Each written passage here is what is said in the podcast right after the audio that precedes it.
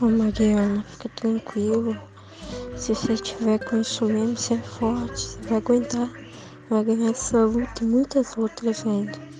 Todos nós estamos com você, gostamos muito de você.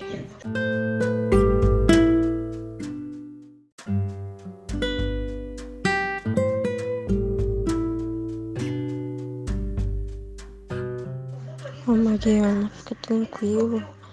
Se você tiver com isso mesmo, você é forte, você vai aguentar.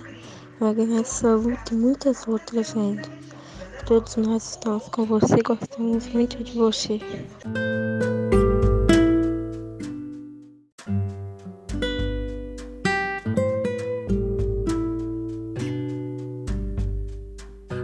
Falar da Mariana, o quanto eu gosto da Mariana. A Mariana sempre, né, a primogênita, né, da família, em questão da família do lado do Dinei, é uma sobrinha de coração que para mim faz muita né, diferença nas nossas vidas, que eu gosto muito.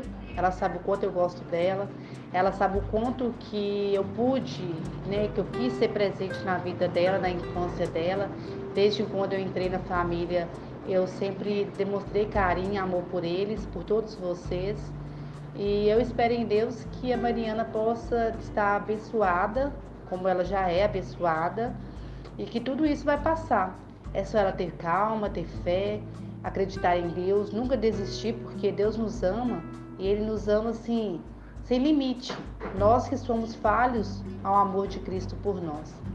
Então, é, dizer o quanto eu amo a Mariana é resumir em tudo o que nós já vivemos e dizer para ela que eu te amo.